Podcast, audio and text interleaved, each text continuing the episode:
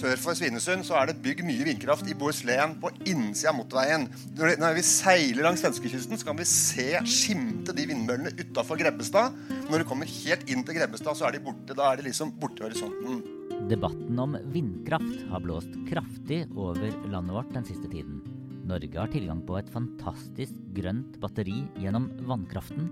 Hvorfor må vi da bygge ut vindkraft på land? Og hvis vi absolutt må bygge ut mer vindkraft, hvorfor kan vi ikke bygge ut på havet istedenfor å ta i bruk uberørt norsk natur? Dette spørsmålet ble diskutert hos Sintef og NTNU på Arendalsuka. Energibransjens temapodkast presenteres av ABB. Sendingen inneholder produktplassering. Jeg heter Skjul Kristian Aamodt og er gründer og administrerende direktør i Energy, energibransjens digitale kanal. Jeg var til stede på Arendalsuka og tok tempen på debatten. Nasjonal ramme for vindkraft er nå ute til høring. Men hva er egentlig nasjonal ramme? Vi ber Kjetil Lund, direktør i NVE, Norges vassdrags- og energidirektorat, om å forklare dette. Så Nasjonal ramme er to ting. Det er for det første eh, en gjennomgang av kunnskapsgrunnlaget for vindkraft i Norge. Altså hvilken virkning har vindkraft på alt fra fugleliv til støy, til fjernsynssignal, til, forsvar, eh, til forsvarsinteresser. Så en del av nasjonal ramme er over 20 temarapporter som NVE har utarbeidet eh, til dels alene, men ikke minst sammen med andre fagetater. Miljødirektoratet, Avinor og andre. Eh, for å øke kunnskapsgrunnlaget om vindkraft og eh, hvilken virkning vindkraft har Eh, eh, på, på, ulike si, samfunns- og miljøhensyn. Det ligger på NVEs eh, hjemmeside, og det er fritt fram for folk å gå inn der og få vår mest oppdaterte kunnskap. Det er det ene. Det andre er at det er et kart som har fått mye oppmerksomhet, som vi har lagt på oppdrag fra regjering og storting, over, som peker ut de områdene som er mest egnet for vindkraft. Det betyr hvor er det gode vindressurser, altså hvor blåser det mye, hvor, hvor Eh, hvor det er nett eh, og andre miljø- og samfunnshensyn. Eh, det er nå på høring, det har vært mye engasjement. Jeg var tydelig på at Det betyr ikke at vi skal bygge ut vindkraft overalt der, men det er de områdene som er mest egnet for vindkraft. Men hvorfor trenger vi å bygge ut mer vindturbiner i norsk natur, når vi allerede er godt forsynt med norsk fornybar vannkraft? Vi spør Auke Lont, konsernsjef i Statnett. Vi har fortsatt en stor jobb som skal gjøres, og det er å bli kvitt eh, CO2 i store deler av eh, det norske kraft- og eh, ikke minst energisystemet.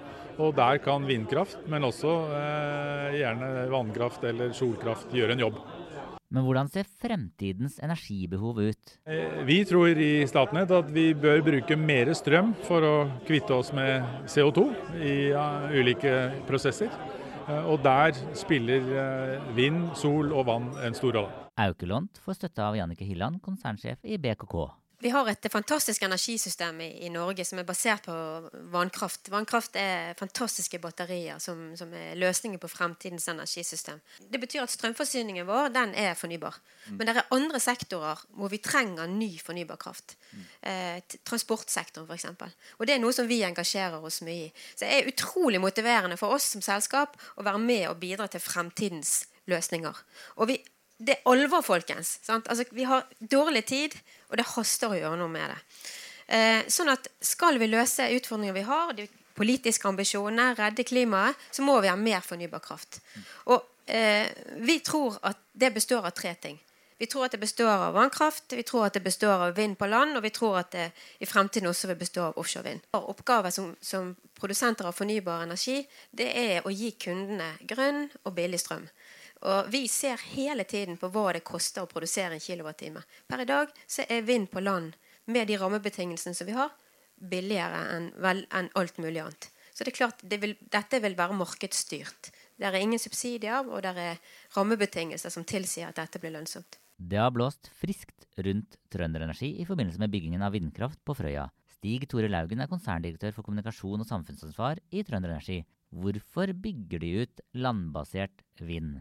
Nei, altså det handler jo, For vår del så handler det om å, å bygge vindmøller om å dekke et behov, eh, følge en politisk vilje. Altså Vi er jo store innen vannkraft. Det er jo vannkraft vi har, eh, vi har holdt på med. Og så vil politikerne ha oss inn i, i vind. Og Det er også en underskuddssituasjon i, i, i Midt-Norge på, på, kraft.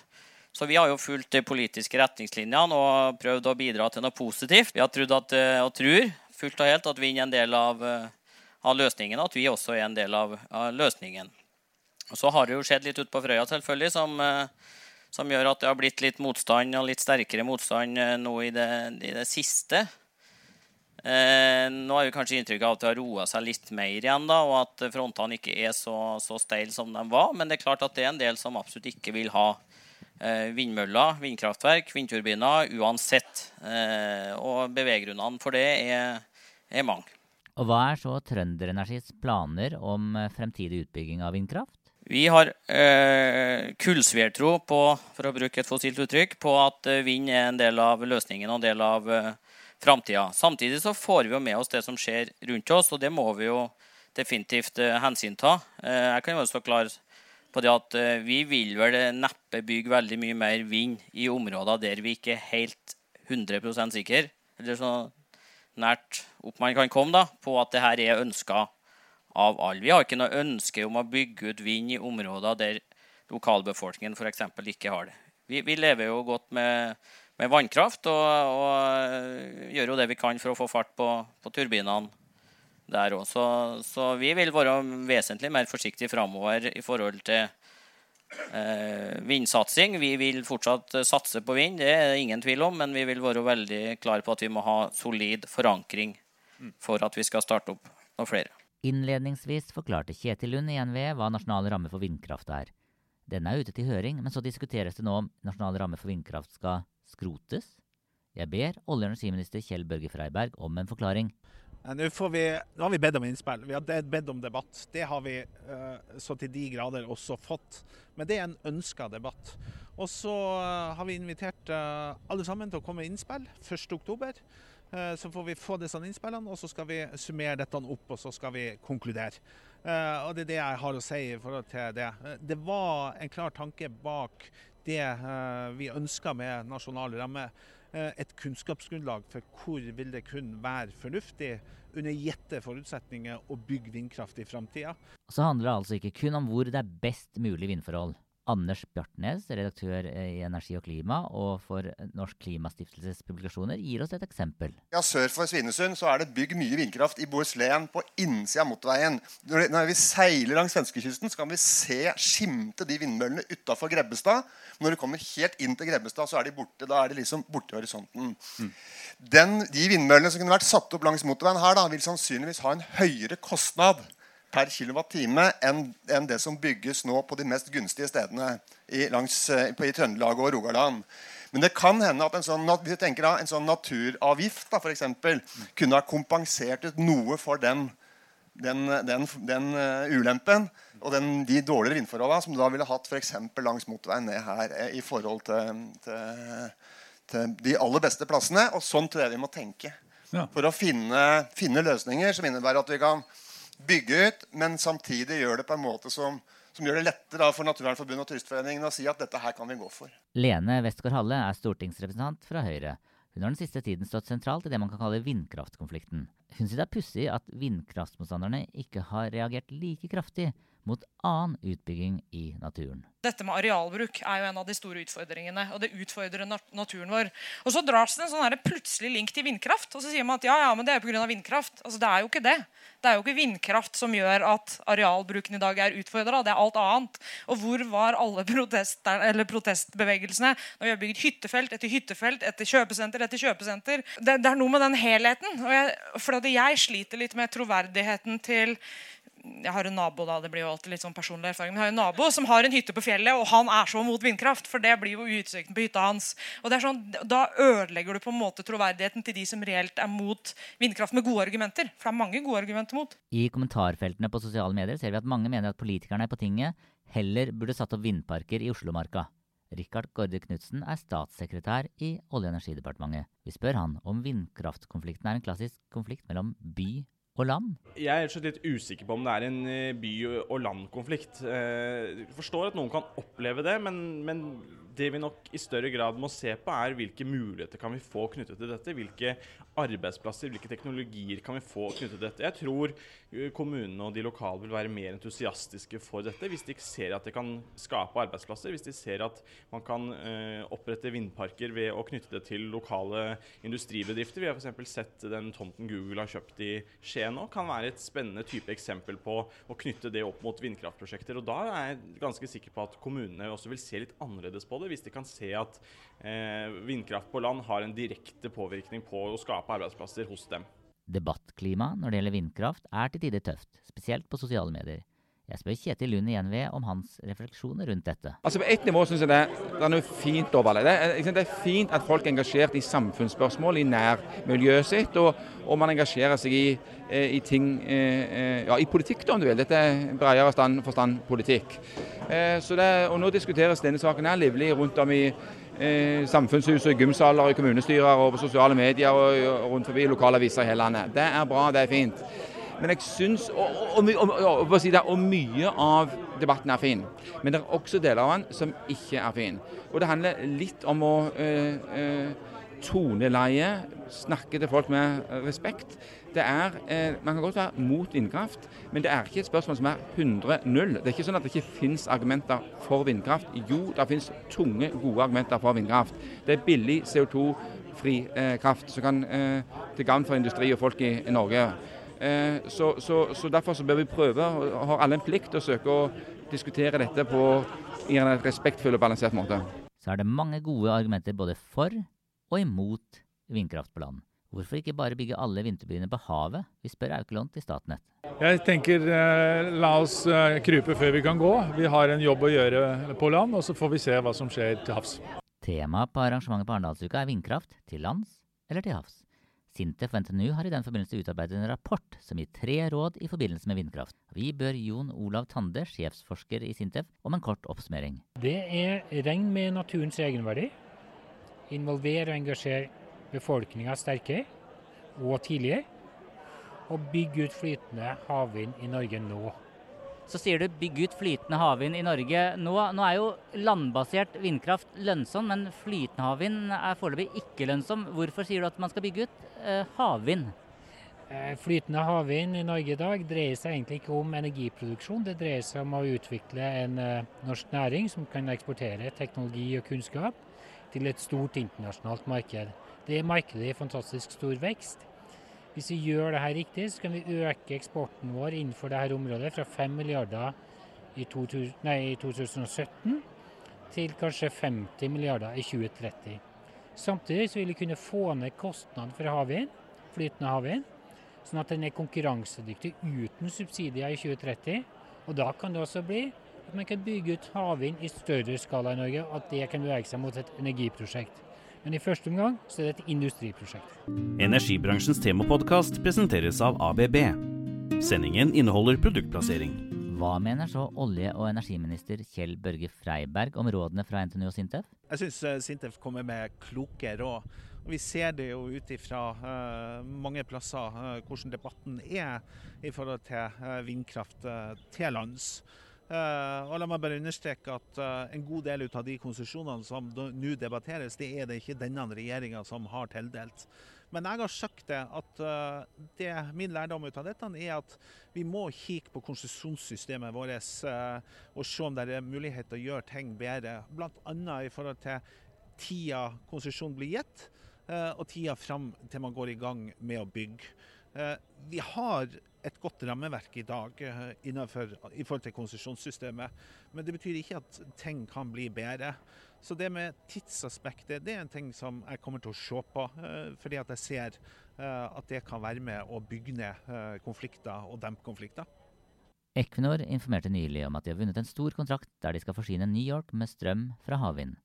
Vi spør Henriette Undrum, direktør i Equinors enhet for forskning og teknologi, om hvilken rolle Equinor har tatt innen havvind? Vår rolle er jo primært en industriell aktør, så, så vår rolle er å, å, identifisere, modne og bygge ut og drive store, storskala industrielle prosjekter for å levere kraft. Så skal dere forsyne New York med havvind. Hvorfor tar dere ikke en rolle i Norge? Er strømprisene for lave i Norge til at uh, dere gjør det? Ja, Per i dag så har ikke vi funnet uh, lønnsomme prosjekter i Norge som passer inn i vår strategi. Uh, men vi har jo et prosjekt på gang på norsk sokkel med flytende havvind på norsk sokkel. Og det er jo et veldig interessant og spennende prosjekt for Norge. Og, og, og, du sikter til Hywind Tampen, der Enova Hvis det blir noe, så må Enova inn med betydelige midler. Hvorfor skal, skal man sponse eller støtte eh, fossil, altså pengemaskinen Equinor eh, med Enova-midler, når dere har nok av penger til å gjøre dette selv? Ja, Det prosjektet er jo en del av et teknologiutviklingsløp. Eh, og, og, vi ser jo at vi har redusert kostnadene fra det første demoprosjektet til det vi gjorde i Skottland med nesten 70% Og så er ambisjonen å redusere det videre med 50 med, med Tampen-prosjektet. Så må vi jobbe videre med å skalere det opp til et enda større industrielt prosjekt for at vi skal få lønnsomhet. Så målet vårt er jo å, å være konkurransedyktig med den type teknologi eh, i 2030. På veien dit så er det jo sånn nå at nå åpner det seg en mulighet for å bygge norsk industri. Eh, og ved at man får til et prosjekt på norsk sokkel, så kan norske leverandører, som også var viktige for oss i Skottland, men ved å få det til på norsk sokkel, så får de et hjemmemarked. Og det betyr jo at det er en byggesten for å bygge en leverandørindustri i Norge. Og det er jo den viktige grunnen eh, for at Enova skal gå inn og hjelpe til å støtte dette prosjektet, så vi får realisert prosjekter i Norge for norsk industri. Eh, hvis man benchmarker norske leverandører eh, mot de globale, hvordan ligger man an på, på flytende havvind, eller ja, først og fremst flytende havvind? Ja, På flytende havvind er det jo foreløpig et veldig lite leverandørmarked. Det er klart at Norske leverandører hadde 30-40% av kontraktene i Skottland. Det sier noe om at de er konkurransedyktige. Den norske leverandørindustrien til offshoreindustrien innenfor marine systemer og marine operasjoner er kjempesterk. Den er dyktig, eh, og den er eh, veldig veldig kunnskapsrik. Så, så norske leverandører kan være gode aktører og få lønnsomhet i dette markedet hvis de satser. Vindkraft til havs har definitivt uh, store muligheter for Norge som uh, energinasjon. Derfor så gjør jo regjeringa akkurat det vi gjør. Vi legger ut nå tre områder som da det kan bli mulig både å ha faste, faste installasjoner i forhold til havvind og flytende havvind. Uh, og jeg har sagt det før, og jeg gjentar det. Markedet for havvind er ikke Norge. Vi må ha så store ambisjoner at her er markedet verden. Og jeg mener at Norge kan spille en betydelig rolle i dette havvindmarkedet, som er der i dag i sin spede begynnelse, men som kommer til å vokse internasjonalt. Uh, fordi at vi har den kompetansen og den erfaringa vi har fra 50 år uh, på norsk sokkel. Og vi er jo der i dag. Vi har eh, en ledende posisjon i havvind i dag. Eh, den største omsetninga innenfor fornybar er faktisk innenfor havvind. Da er det viktig at vi har områder å utvikle teknologi på i Norge. Det skaffer vi nå, men markedet totalt sett er verden. Tor Eivind Moen, Vice President Market Development New Energy i ABB, er enig med Henriette Undrum og Kjell Børge Freiberg. Hva skal til for at uh, norsk leverandørindustri skal uh, få være med på et havvindeventyr og lykkes der? Det er et hjemmemarked i god skala som gjør at vi kan uh, få fram alle driftsfordelene. Tor Eivind Moen forteller at mye har skjedd det siste året når det gjelder debatten om havvind. Jeg vil si Den har tatt et stort steg videre. Det er veldig oppmuntrende å se. Mye av det som manglet i fjor blir nå diskutert, og det er selvfølgelig grunnlaget for at vi nå kan komme videre. Hva kan vi lære av, eh, av ting som skjer der ute i verden? At det går fort, veldig fort. Eh, Japan, Frankrike og andre land setter nå i gang, også på flytende havvind. Jeg pratet også med Tor Eivind Moen i en podkast i fjor i forbindelse med at AB sammen med Zero lanserte et whitepaper om flytende havvind. Her skrev de at Norge bør ta mål av seg å eksportere utstyr til havvindindustrien for minst 50 milliarder kroner i 2030. Dvs. Si rundt 10% av verdensmarkedet. Vi ser jo nå at veldig mange andre eh, sier eh, ting i samme retning. Det syns vi er veldig flott. Eh, nå er det mer spørsmål om å når skal vi ta skrittet? Eh, og vi føler jo at det bør skje fortest mulig, selvfølgelig. For eh, tid er veldig viktig nå. Tor Eivind Moen sier altså at det haster med å komme skikkelig i gang med havvind. Men hva står egentlig i veien for det? Vi spør Jon Olav Tande i Sintef. Flytende havvind i dag er ikke lønnsomt uten subsidier. Man trenger subsidier eller en eller annen form for støtteordning for å gjøre det lønnsomt. Så vet man at det vil bli lønnsomt hvis vi satser på det. Så det er spørsmålet om å investere noe av fellesskapets ressurser i en oppstart for så å få det tilbake når man får utvikle større eksportindustri og en bærekraftig energikilde. Tor Eivind Moen i AB har en tydelig oppfordring til norske politikere. ta kontakt med Wind Europe, som da har eh, vært rådgivere til eh, andre land i Europa og også i USA, som har fått til da prosesser som gjør at dette her har vokst eh, fantastisk fort. Energibransjens temapodkast presenteres av ABB. Sendingen inneholder produktplassering.